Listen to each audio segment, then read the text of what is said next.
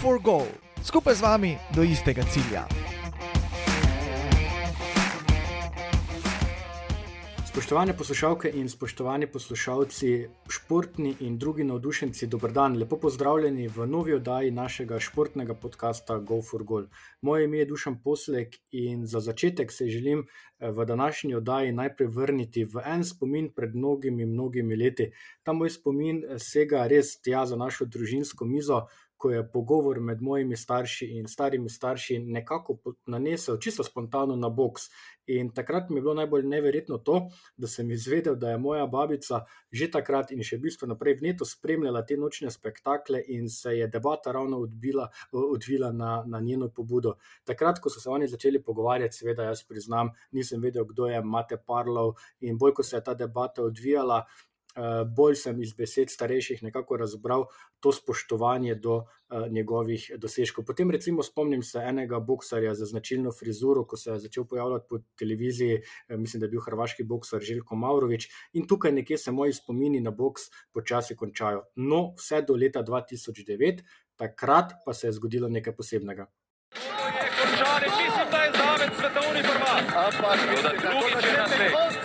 Izgubijo pa vsem orientacijo, plačujejo, torej ne vem, da je konec. Tega dvoboja je konec in zaved je svetovni prvak. Tu je bil ta dvoboj končan. Tako, sedaj ste verjetno že ugotovili, kdo je moj današnji gost, zato z res velikim veseljem v oddaji, v podkastu Go for Goal pozdravljam Dejana Zavca. Dejan je dejansko prvi svetovni prvak v našem podkastu. Dejan, dobrodošel in lepo pozdravljen. E, lep pozdrav, dušan. E, Dejan, tako le najprej gremo mi dva na eno stvar. Ne? Če bi ti zdaj le rekel, Jan Zavek, e, kako blizu ti je še ta naziv? Pa jaz bom rekel, da sem to točno jaz. Eh, konec koncev nis, nisem nikoli imel težav s tem, eh, da sem dobil neko drugo identiteto, skozi katero sem lahko tudi postal konec koncev dejan zavec. Ehm, pač v Nemčiji oziroma v tujini ni malo krat, da se zgodi, da nekomu menjajo identiteto zaradi neke marketinške ali kakršne koli druge promocijske eh, olajšave ali kakorkoli že temu rečemo. S tem se jaz nikoli nisem preveč ukvarjal tako da v bistvu ni me motilo, kaj jaz vem, uh, ne dajem podarka tistemu, čez, s čimer se ne rabim ukvarjati. Uh, pa tako je, recimo, za začetek. Ne povedi meni, uh, zdaj, ko se je tvoja karijera uh, bila tako na vrhuncu, je javnost, vključno z mano, začela spoznavati, odkot ti pravzaprav prihajaš. In seveda je bilo potem rečeno, da prihajaš iz enega majhnega naselja, trdobojci tukaj na Štajerskem. Povej mi, kaj enega fanta iz tako majhne vasi privede do želje, da bi se postavil v boksarski ring. Ja, trdobojci so mala haloška vas, katera, bom rekel, je prepletena iz popolnoma, bom rekel, preprostega in pa vsakdanjega življenja. Če hočeš nekaj imeti, moraš nekaj dati, se pravi, če hočeš tudi nekaj pojesti, moraš za to nekaj narediti. Se pravi, da tako lahko z lahkoto rečem, eh, če smo hoteli, smo si mogli to zaslužiti eh, na takšen ali drugačen način. In iz tega potem seveda tudi ta trdobojec, eh, trdobojci so vsi pravzaprav haložani, ki se mi zdi, da imajo malo drugačen pristop do osnovnih življenjskih človekovih potreb. Pri meni se je pokazalo, da to ni slabo, da je to dobro oziroma dobro, dalo mi je dobre korenine, dobre navade. Z športom pa sem se srečal čisto po naključju. Šel sem na trening nogometa, ker ga ni bilo, sem zavil v dvorano in takrat me je, bom rekel, nekako priklenil na sebe, pozitivno, seveda, prvi trener Ivan Pučko in takrat sem začel spoznavati pravzaprav šport, boks in pa predvsem tiste percepcije, primitivnost, brutalnost, agresivnost zamenjal za, bom rekel, tisto, kar v resnici uh, sem začel bolj spoznavati. In videl, da je popolnoma drugačno, drugačne videnja, pristopi, in pa tudi, da je boks veliko več kot pa samo, oziroma nič ne šteje z tisto primitivnostjo, agresivnostjo in tem, da je boks pravzaprav en šport, pri katerem sem ga nekako primerjal, da je zelo zahteven, oziroma eh, ker ni bil prelahek, me je najverjetneje priklenil. Um, pa če tako, ko si zdaj lepo začel ne opisovati svojo športno pot, ne, kaj bi ti, recimo, zdaj, ko se res lahko že z eno razdaljo ozreš na vse poti, ki si jih v življenju skozi boks uh, prehodil, kaj bi rekel, kakšna je bila tvoja pot? Ne? Zakaj te to sprašujem? Zato, ker večina je za tebe slišala, oziroma te spoznala šele takrat, ko si se začel potegovati za naslov svetovnega prvaka. Ampak do, takr, do takrat, oziroma do tja, te je vodila precej trnova pot, ne uspeti in priti do te točke ni lahko. Ja, jaz bom rekel, da pravzaprav generalno šport eh, seveda deluje, eh, lokalni rezultati, lokalno delo, državni, državno in tako naprej. Eh, jaz bom rekel, da sem skozi boks spoznal tako življenje, kot tudi možnosti za, za izstrelitev, oziroma pravzaprav nekako v šport sem šel zato, da bi si izboljšal svoj osnovni eh, življenjski cilj, se pravi, da bi skozi šport spoznal neke ljudi, s katerimi bi potem, eh, seveda, posledično lahko dobil neko boljšo delo, ali prišel prej na vrsto pri nekom eh, v vrsti.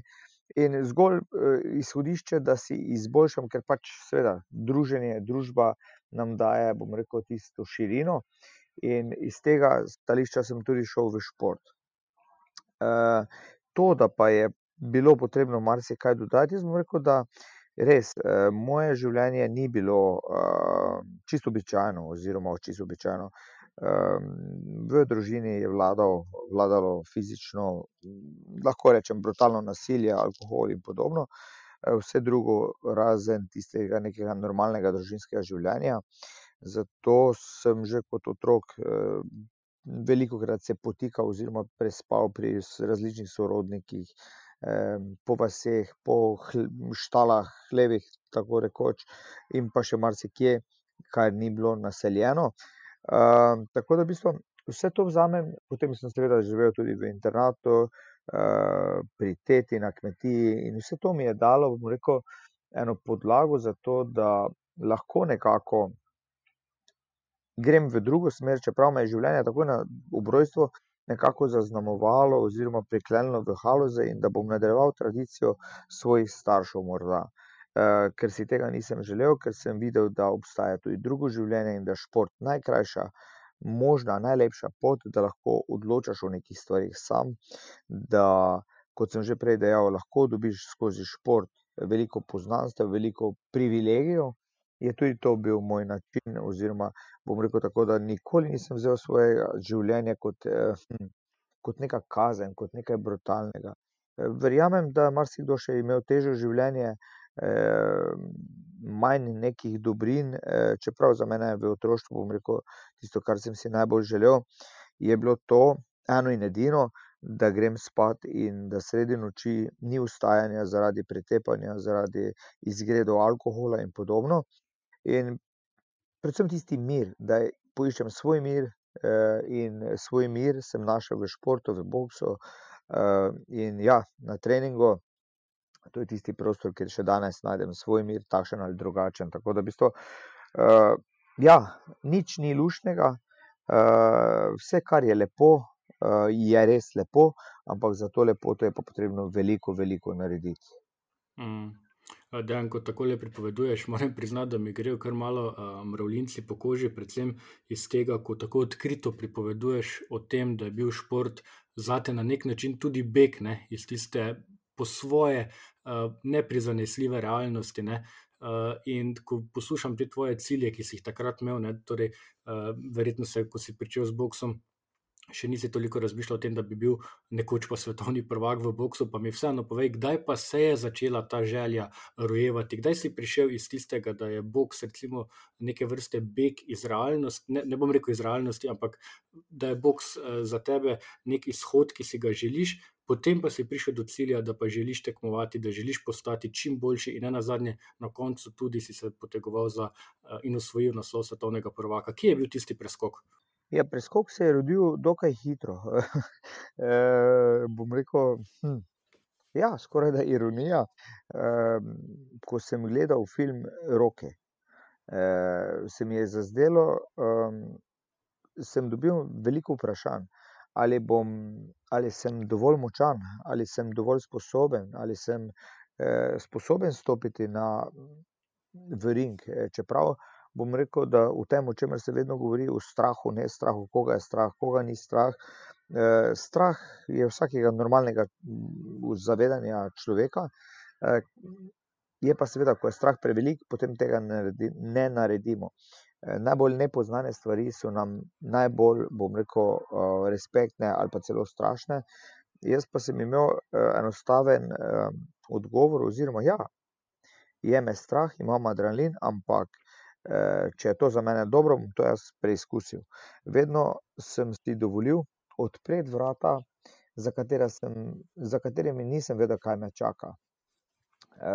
Seveda ne bi skakal v prepad, ampak ko sem, ko iščeš neko svojo rešitev, svojo srečo, svojo, svojo pot, potem se velikokrat ne vprašaš ali pa se tudi ne zavedaš, kaj bo za, za vrati te počakalo, in to je velikokrat dobro. Jaz bom rekel, da sem se dokaj hitro začel zavedati, da bi lahko čutil sem, da bi lahko naredil nekaj, nekaj več, kajti v dvobojih sem se počutil dobro, z veliko fizične nadmoči, manjkalo mi je seveda tehnične in pa, bom rekel, nekako taktične strategije, za kar sem potem seveda deloval na tej smeri, da sem potem dobil, pravzaprav lahko rečem tako, da sem dobil nekako osnovno in srednjo šolo boksa življenja pri mojem prvem trenerju, Ivanu Pučku. Potem sem nekako končal to srednjo šolo in pa diplomiral v tej športni šoli in pa tudi v življenju pod vodstvom drugega, bom rekel, skorajda drugega, tretjega očeta, Stanislava Milutinoviča, s katerim sem pravzaprav začel odkrivati čudesa, bom rekel, sveta, Evrope, in pa, bom rekel, glede na to, da je bil inženir strojništva, ta moj trener, mi je dal velik vpogled v neko in pa seveda zelo široko razgledan gospod, kateri mi je dal neverjetno željo po pridobivanju informacij. In šele takrat sem dojel, kako zelo je pomembno biti razgledan, kako zelo pomembno je biti izobražen, zato ker s tem lahko rešuješ življenje oziroma, ja, pogledaš na stvari popolnoma drugače.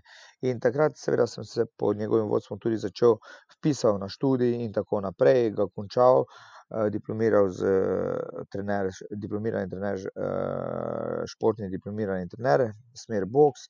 In pravzaprav znotraj študija sem dojel, da imam pravzaprav vse možnosti, da enkrat uspem oziroma da postanem svetovni prvak. To je bilo pravzaprav skorajda že na začetku tega profesionalizma, ampak nisem bil čisto prepričan, sem morda malo taval, ampak potem sem, ko sem začel študirati, sem takoj vedel, da mi lahko uspe ta velik met, če bom poslušal sebe in nadaljeval seveda spoštljivo in pa dovolj radovedno naprej s tem, v tej smeri v boksu. In ja, potem je bilo samo še vprašanje, vedel sem, da se bo zgodilo, tudi ženi sem, zdajšnji moji ženi, takrat punci, sem rekel: "Jaz bom svetovni prvak, bom naredil to pa to pa to, ampak ne vem, kdaj, ampak bom." Seveda potem prihaja v športu pot gor, dol, sem, tja, padci, vzponi, in tako naprej.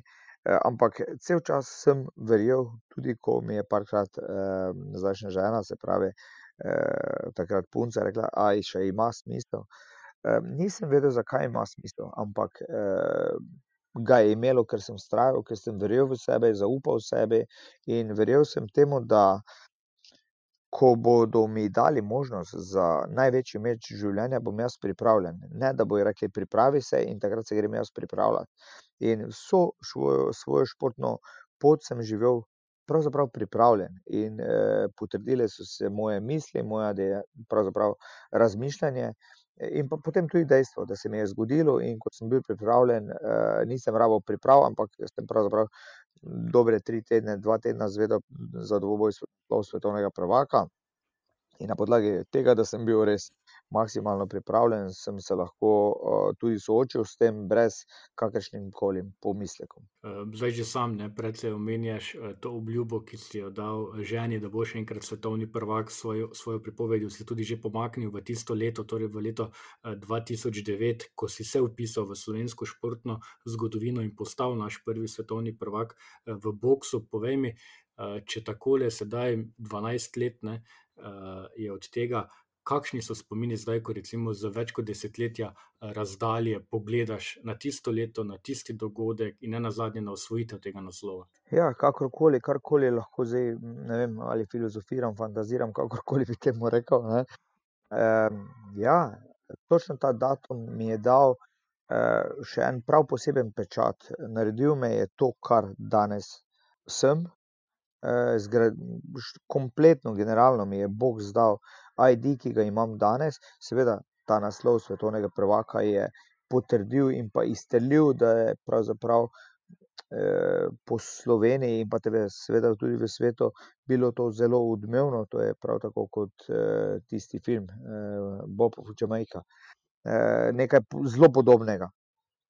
ja, spomnim se oziroma zavedam se, upam, da nisem prestopil meje nekega zdravega, prepotentnega razmišljanja. Zavedam se, da mi je uspelo to, o čemer milijoni sanjajo. vendar, ja, od spominov se ne da živeti, danes je potrebno naprej delati. hvala bogu, naprej delam v športu. zavedam se in velikokrat rečem vsem mladim, da to, da nekdo trenira z mano, to, da nekdo, da nekomu nekaj povem, še ne pomeni, da je garancija za uspeh. Garancija za uspeh je garanje, in če se odločiš, da boš uspel, boš uspel, če boš za to garal. Samo delo je premalo, v to sem prepričan in verjamem, da prvi, ki si bo upal pogledati onstran vrat in pa seveda pripravljen na garanje iz dneva v dan, minimalno po treh, maksimalno po sedmih letih lahko postane točno to, kar je, kar je ratalo tudi meni. Dejan, sam omenjaš, ne, prišel si tja v v letu dva tisoč devet si na to tekmo prišel dejansko kot izzivalec, odšel si pa kot veliki in pa za marsikoga ali pa celo za večino tudi presenetljivi zmagovalec tega dvoboja, ne. tvoje, tvoja zmaga je bila presenečenje za boksarski svet. Pa mi povej takole, kaj se je recimo zate spremenilo po tem naslovu? So tvoji nasprotniki oziroma, bom rekel, ti, ki si jih potem srečeval v tem boksarskem svetu, sploh vedeli, kje leži Slovenija? Tudi ti, ne, si večino časa treniral v tujini. Ja, res je, seveda, Slovenija je že izgovor Slovenija in potem seveda takoj, da pač to ni mogoče. takoj so me povezali z Nemčijo, ja, seveda, če pa iz Nemčije, potem pa je to veliko bolj verjetno, ampak zakaj iz Slovenije in tako naprej. Ja, bil sem trn v peti marsikomu, ampak to me je delalo še bolj budnega, bolj živega, bolj željnega novih, večjih, višjih rezultatov, kateri so se tudi konec koncev zgodili. Tako da v bistvu jaz bom rekel, da seveda kakorkoli opišem ali neuspeh ali poraz ali kakorkoli ta, bom rekel, predvsem boksarski svet oziroma obisk Amerike, za mene, bom rekel, to ni bil niti slučajno neuspeh, to, kar se je meni zgodilo, so sanje. jaz mislim, da bi moral biti presneto dober fantazer oziroma Spielberg ali pa ne vem, če omenim Mitja Okorna, karkoli. V glavnem bi moral imeti zelo veliko fantazijo, da bi lahko spisal nekaj podobnega, da bi se to zgodilo nekomu izmed take majhne, majhne, nepomembne družbe, da da preide na prestol sveta. In seveda trn v peti marsikomu, kajti konec koncev boks je tudi kot šport eden vodilnih v Ameriki, kjer se, bom rekel, nekako simpatizerstvo in pa, bom rekel, tradicija samega športa že stoletja oblikuje in pa razvija in je definitivno na najvišjem nivoju, tako da ja, marsikdo podcenjeval, ampak kasneje, ko smo stopili tako ali drugače se zbližali, lahko rečem, da danes še vedno gledajo na Slovenijo kot neko eksotiko, ampak vendarle toliko lažje si zapomnijo, aha, samo eden. In ja, to je dosti krat malo laskavo, ampak ok. Ko praviš, ne, da še vedno gledajo na Slovenijo kot uh, eksotično državo v, v boksu, poveš, če, uh, kje pa si imel ti recimo, največ težav, uh, ravno zaradi tega dejstva, da prihajaš iz majhne Slovenije, iz države, kjer praktično boks ni prepoznan kot nek šport z neko jasno vizijo. Uh, kje je bila tista glavna težava, na kateri, na kateri si ti recimo naletel na tej tvoji športni poti? Ravno zaradi dejstva, da prihajaš iz Slovenije. Ne? je že samo dejstvo. Ne, eh, v amaterskem oziroma olimpijskem boksu, ko sem bival še v Sloveniji, eh, predvsem eh, težave v Sloveniji. Tudi, bom rekel, družbe kot takšne v Sloveniji, ki je pravzaprav boks dojemala, kot smo že prej opisali, primitivno, arogantno, brutalno in podobno. Ampak na koncu koncev, ko sem, se pravi, ko sem šele stopil izven meja Slovenije, eh, ko je Slovenija dojela, da je boks tudi eden izmed športov, in ko sem uspel pravzaprav ustati jaz in pa prikazati eh, Sloveniji, eh, da ne rabiš biti agresiven, da si lahko ti ti. Da se ne rabiš spremeniti v nekega agresora, oziroma karkoli, bom rekel, um, nasilnega, da bi izstopal.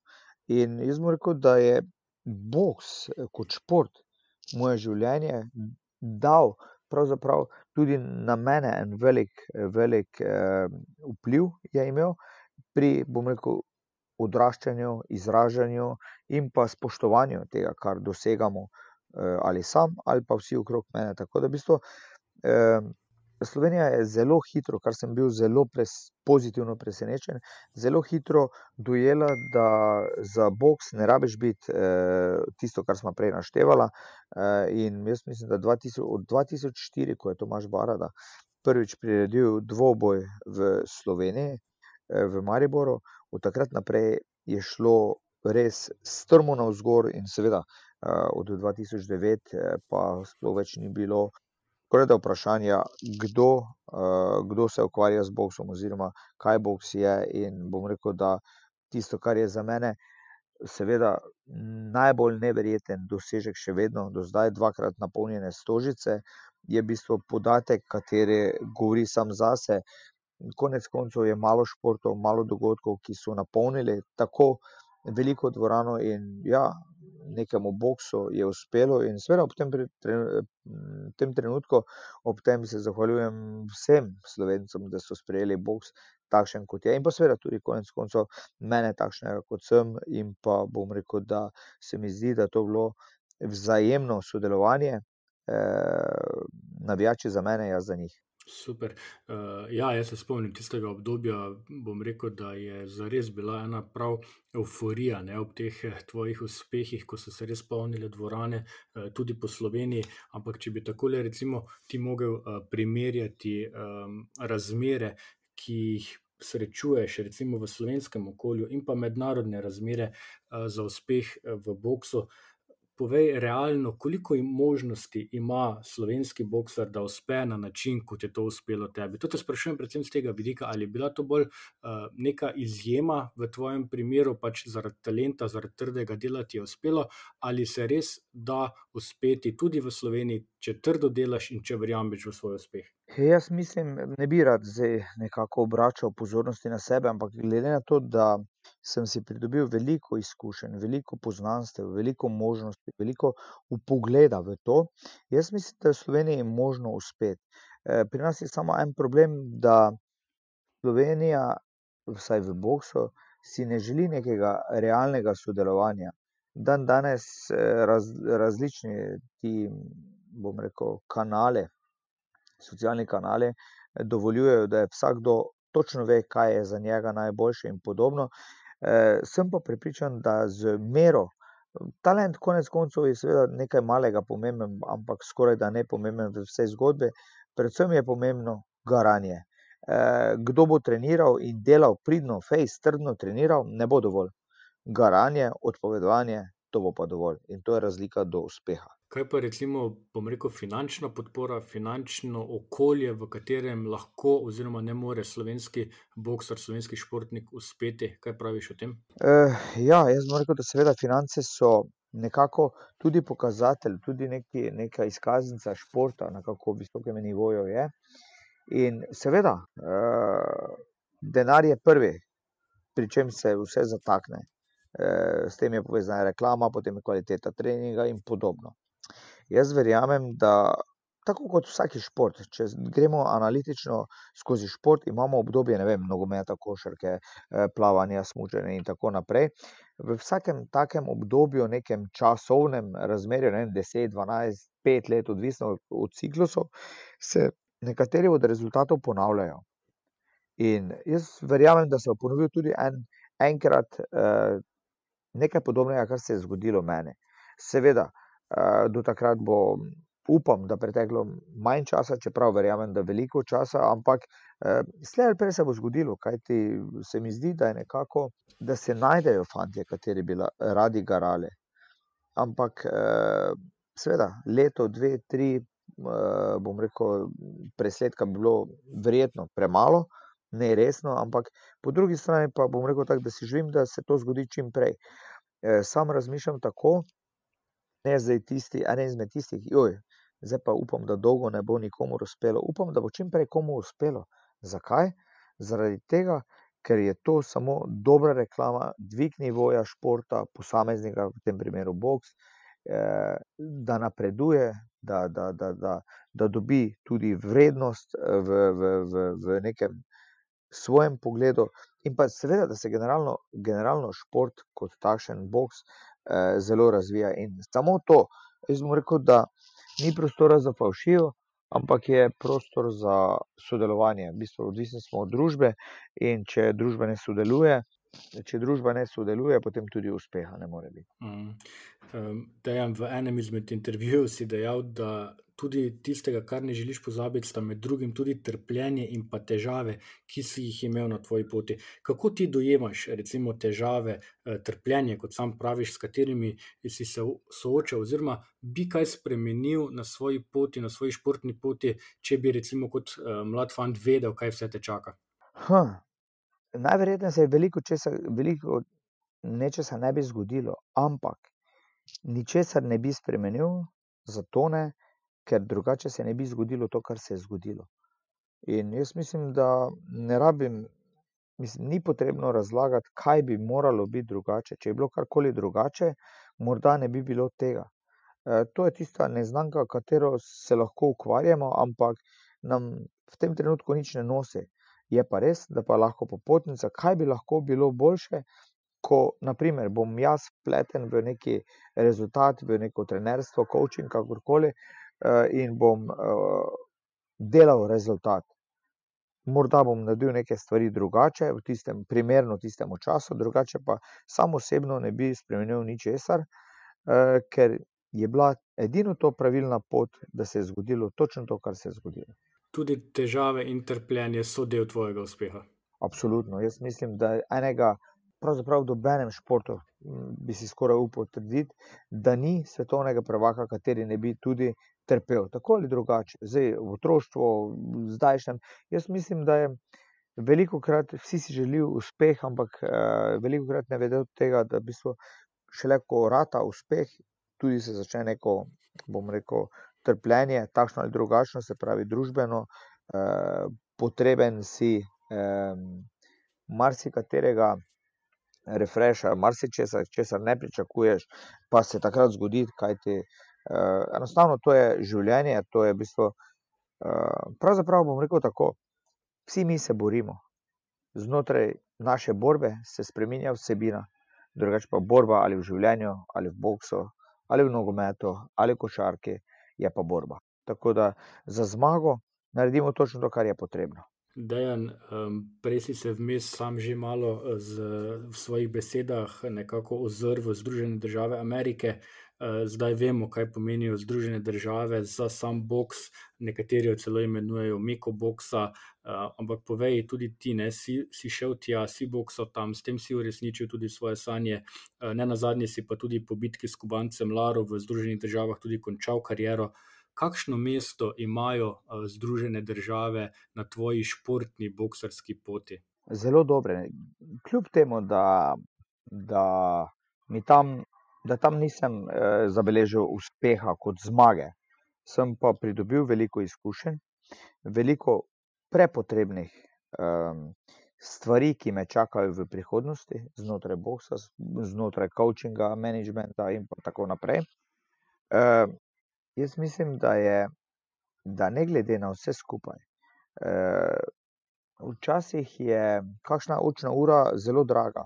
Čeprav je velikokrat v prvem tistem žaru nesmiselna, nepotrebna eh, in še kaj drugega, ampak skozi čas se pokaže vse, da se vse zgodi z nekim namenom, tako ali drugače. Eh, in jaz bom rekel, da prav ničesar ne obžalujem, zgodilo se je točno tako, kot se je moralo zgoditi in Zakaj bi danes iskal odgovore na nekaj, česar jih ne morem dobiti? V tistem trenutku nisem zmagal iz takšnega ali drugačnega razloga, ali ker sem bil pre, preslab nasprotnik, to, da potem eh, časovna, ne vem, biološka starost in vse ostalo. Eh, jaz mislim, da to ne sme biti kot izgovor. Zgodilo se je pravzaprav to, kar se je, zdaj pa vsak si lahko vzame iz tega, kakorkoli si hoče. Jaz verjamem, da se je vse zgodilo z dobrim namenom in pa s tem, da, da se pač moralo to zgoditi. Se mi zdi, da tako, kot to pripoveduješ, se tudi spomnim na to, ne, da uh, dejansko veličino športnika uh, določa tudi njegov odnos po porazu. Ne, ne samo takrat, kakšen je, ko zmaguje, ko je vse najlepše, ampak tudi po porazih uh, se kažejo uh, pravi športniki. Ne na zadnje, vsi se spomnimo tudi uh, lanskega poraza našega Rogliča proti Pogačerju in kakšen bom rekel, šampionski odnos sta oba dala in to je tisto, kar šport kot takšen dela večji. Bi te pa rače nekaj drugega povprašal, ko se pogovarjamo o boksu, ko spremljamo medije, je tako le večkrat govora tudi o zaslužkih eh, v boksu, ampak dejstvo, ki se ga verjetno premalo krat zavedamo, vsi skupaj je to, da le mali, mali procent boksarjev zasluži večje vsote denarja. Me zanima, kakšen je tvoj odnos do vseh teh podatkov, oziroma do vsega tega navideznega spektakla, eh, ki se ustvarja ravno zaradi nekaj teh bajnih zaslužkov. No? Kakšen je tvoj odnos do vseh teh uh, medijskih poročil, medijskih napisov, senzacij o tem, koliko denarja je v boksu in kakšne, denar, kakšne količine denarja uh, zmagovalci odnesejo? Pa jaz bom rekel, da bi bilo morda zdaj. Uh... Neprimerno, da se, da, se, da se zapletam, oziroma zapletam, da se dotikam. Jaz pravim, da mi, simpatizerji, smo tisti, ki določamo in odločamo in suportiramo neki šport, neki, nek, nek dogodek. Ne?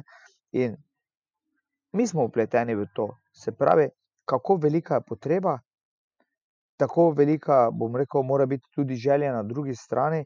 In eh, kot sem rekel, boks je v Združenih državah eh, znanost eh, in pa seveda tudi eh, zelo dober marketinški material, kateri se zelo dobro prodaja.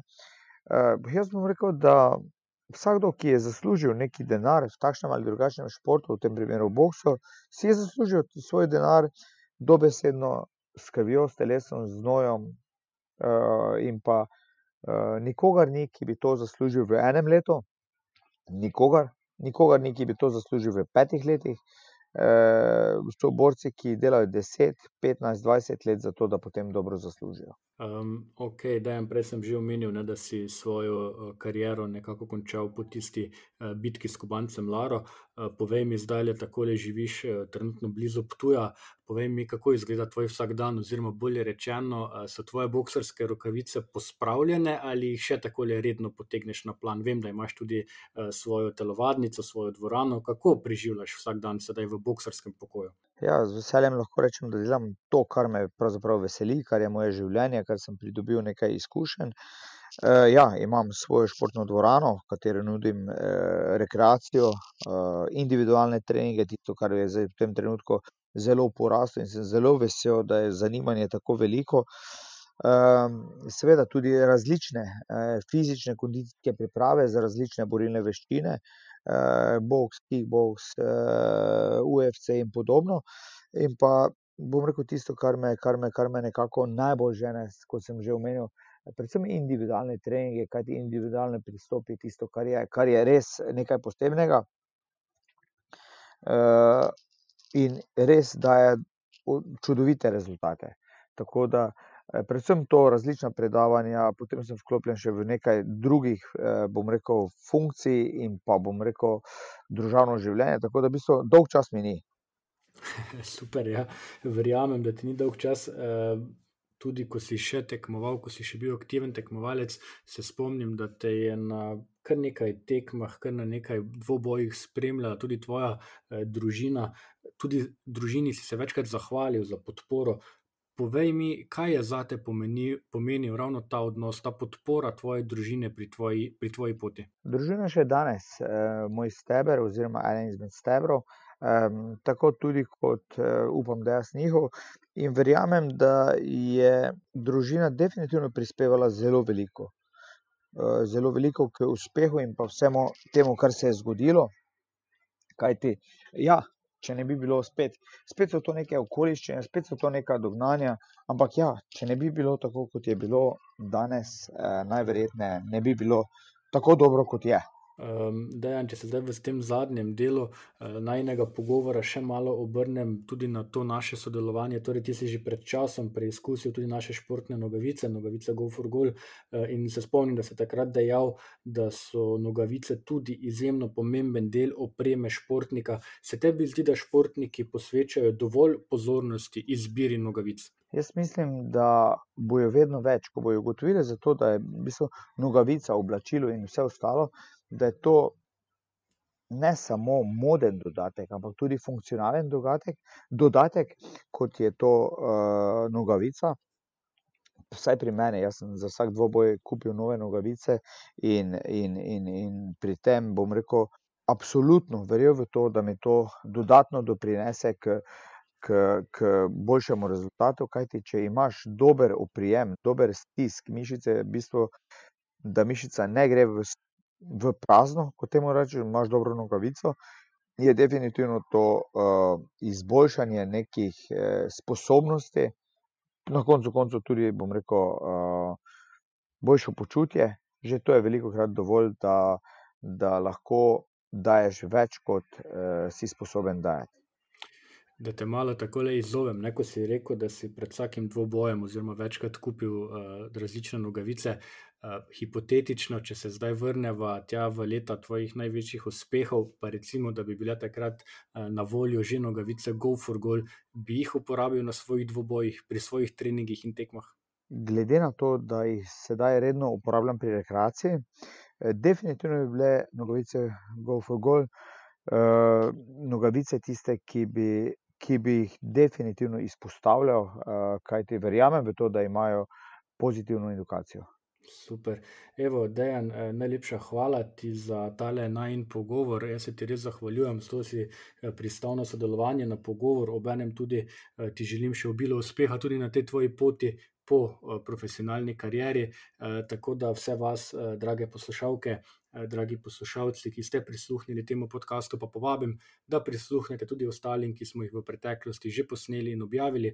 Obenem pa tudi, kot je Dejan eh, sam omenil, da je zelo pomembno, na kakšen način pomagamo eh, drugim, vas tudi vas povabim, da obiščete našo spletno stran in tam lahko uh, darujete oziroma podarite svoj znesek v sklad za razvoj talentov pri Zvezi prijateljev uh, mladine Ljubljana Moste Polje, s tem pa boste zagotovo kakšnemu mlademu nadebudnemu športniku uh, polepšali njegov vsak dan. Tako da en še enkrat najlepša hvala ti za sodelovanje in res obilo, obilo uspeha še naprej in se srečamo na kakšnih športnih dogodkih, ko bodo seveda spet ti možni.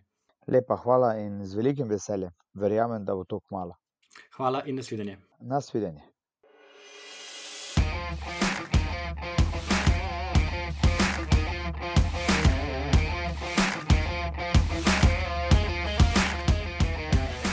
Go for goal, skupaj z vami do istega cilja.